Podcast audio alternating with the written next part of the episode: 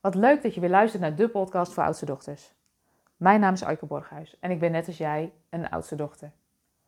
En in deze podcast wil ik het graag met je hebben over problemen die geen probleem zijn. Dat is altijd fijn, hè? Problemen die geen probleem zijn. Maar ik neem je even mee met wat er vaak gebeurt bij oudste dochters.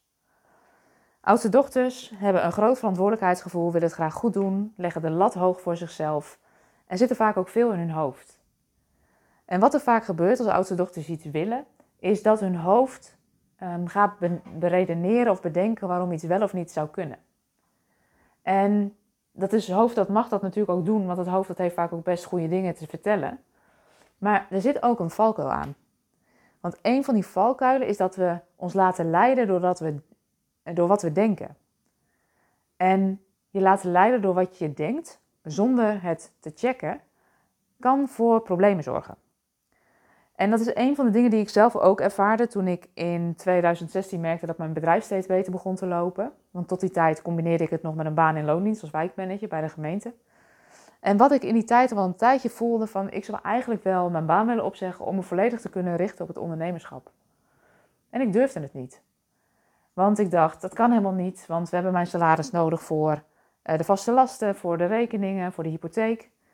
Ehm, dat kan allemaal niet, want ik verdien nog niet genoeg geld met mijn bedrijf. Ehm, dat kan allemaal niet, want ehm, eh, straks kan ik de hypotheek niet betalen, kunnen we geen eten meer betalen en belanden we onder de brug. Dus als je zo even mijn gedachtegang uh, volgt, maakte ik het groter dan dat het was. En al die tijd baseerde ik mijn gevoel of of iets wel of niet zou kunnen op dat gevoel van dat het financieel niet zou kunnen.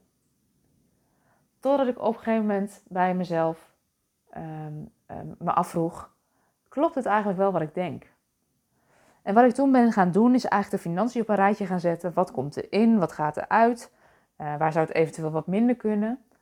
En toen ik zo alles op een rijtje had gezet, toen bleek dat ik anderhalf jaar lang de vaste last op de gezamenlijke rekening kon blijven betalen van mijn spaargeld. En toen ontstond er ineens heel veel ruimte, want ik dacht dat ik mijn baan niet op kon zeggen omdat het financieel niet kon. Maar dat bleek ineens niet zo te kloppen. Dat bleek niet zo te zijn. En doordat ik het inzichtelijk kon maken, kon ik vervolgens met mijn man een heel ander gesprek voeren. Gewoon weet je, ik merk dat ik te druk ben, dat ik eigenlijk niet de moeder ben die ik wil zijn, dat ik gevoelsmatig alles half doe. Ik ben niet die partner die ik wil zijn, ik ben niet die moeder die ik wil zijn. Mijn bedrijf krijgt niet de aandacht en kan niet verder groeien, want ik heb gewoon niet meer tijd. Ik heb het gevoel dat ik mijn baan in loondienst minder goed doe dan dat het zou kunnen. En ik voelde dat ik wel een keuze wilde maken. En doordat ik het financieel inzichtelijk had gemaakt, gaf dat de ruimte om te zeggen: ja, het is verantwoord om je baan op te zeggen. Ga het maar proberen. En zo met deze uh, onderbouwing en de zekerheid dat het financieel kon, ben ik de sprong wel gaan maken. Het inzichtelijk maken van hoe je er financieel voor staat als je iets spannends wil gaan doen, geeft vaak heel veel ruimte, omdat je dan ontdekt wat er wel en niet kan. Zo'n gesprek had ik van de week ook met een klant. Zij gaf ook aan van, goh, ik zou eigenlijk uh, een aantal opdrachten niet willen doen, zodat ik ruimte creëer voor een deel van mijn werk wat ik graag wil creëren. En ze merkte dat ze zich daar eigenlijk schuldig over voelde en dat ze een bepaalde investering niet wilde doen, omdat ze dacht dat het niet kon. Dus ik stelde haar ook voor van hoe zou het zijn om gewoon eens te kijken hoe je er financieel voor staat, om te kijken, kan het wel of kan het niet. En een paar dagen later kreeg ik een heel blij ingesproken voiceberichtje van, van goh, ik, dank je wel voor je tip. Het was zo praktisch, maar nu ik mijn financiën in beeld heb gebracht, zie ik ineens wat er wel en niet kan. En dit is eigenlijk ook ehm, ja, wat, ik, wat, ik, um, wat ik je mee wil geven. Als jij voelt dat je iets zou willen, ehm, baseer dan niet alleen de keuze of iets wel of niet zou kunnen op je gedachten, maar zoek het uit. Zoek naar de feitelijke onderbouwing of een keuze inderdaad wel of niet verantwoord is.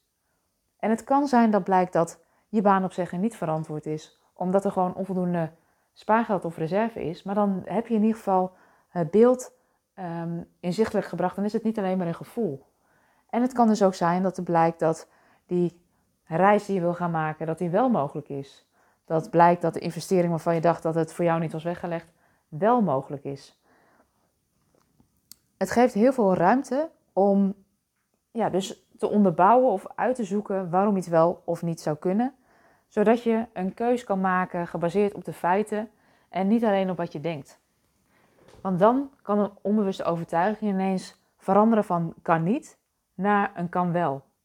En mijn ervaring is dat als die ruimte er is, dat um, ja, dat heel veel plezier geeft. En dat je keuzes kan gaan maken die echt bij je passen. En dat je levensenergie weer gaat stromen. En dat gun ik jou ook. Dus mocht je um, ja, in je hoofd merken dat je, dat je het dicht zit voor jezelf, dat je beren op de weg zit waarom iets niet zou kunnen, ga het dan eens feitelijk onderbouwen. Zet die financiën op een rijtje. En kijk wat er wel en niet haalbaar is. Je zult zien dat dat waarschijnlijk meer is dan dat je denkt. En mocht dat niet zo zijn, dan is het ook een eye-opener om te kijken wat je anders zou willen, wat je anders zou kunnen doen, waardoor die droom op termijn wel reëel is of wel binnen handbereik komt. En daarmee wil ik deze podcast graag uh, afronden. Ik wens je een hele fijne dag en uh, mocht je nog vragen hebben, stuur gerust een berichtje. We horen graag van je. Dat kun je doen door een mailtje te sturen naar info.oudstedochter.com. En uh, waar je ons ook heel erg mee zou helpen is als je deze podcast zou willen waarderen. En het liefst met een aantal sterren. Zodat we nog meer oudste dochters kunnen bereiken met onze podcast. En zo nog meer uh, ja, oudste dochters net even wat inspiratie kunnen geven. Een stukje bewuster kunnen maken. Dus daar zou je ons weer ontzettend mee helpen. Voor nu wens ik je in ieder geval een hele fijne dag en tot een volgende podcast.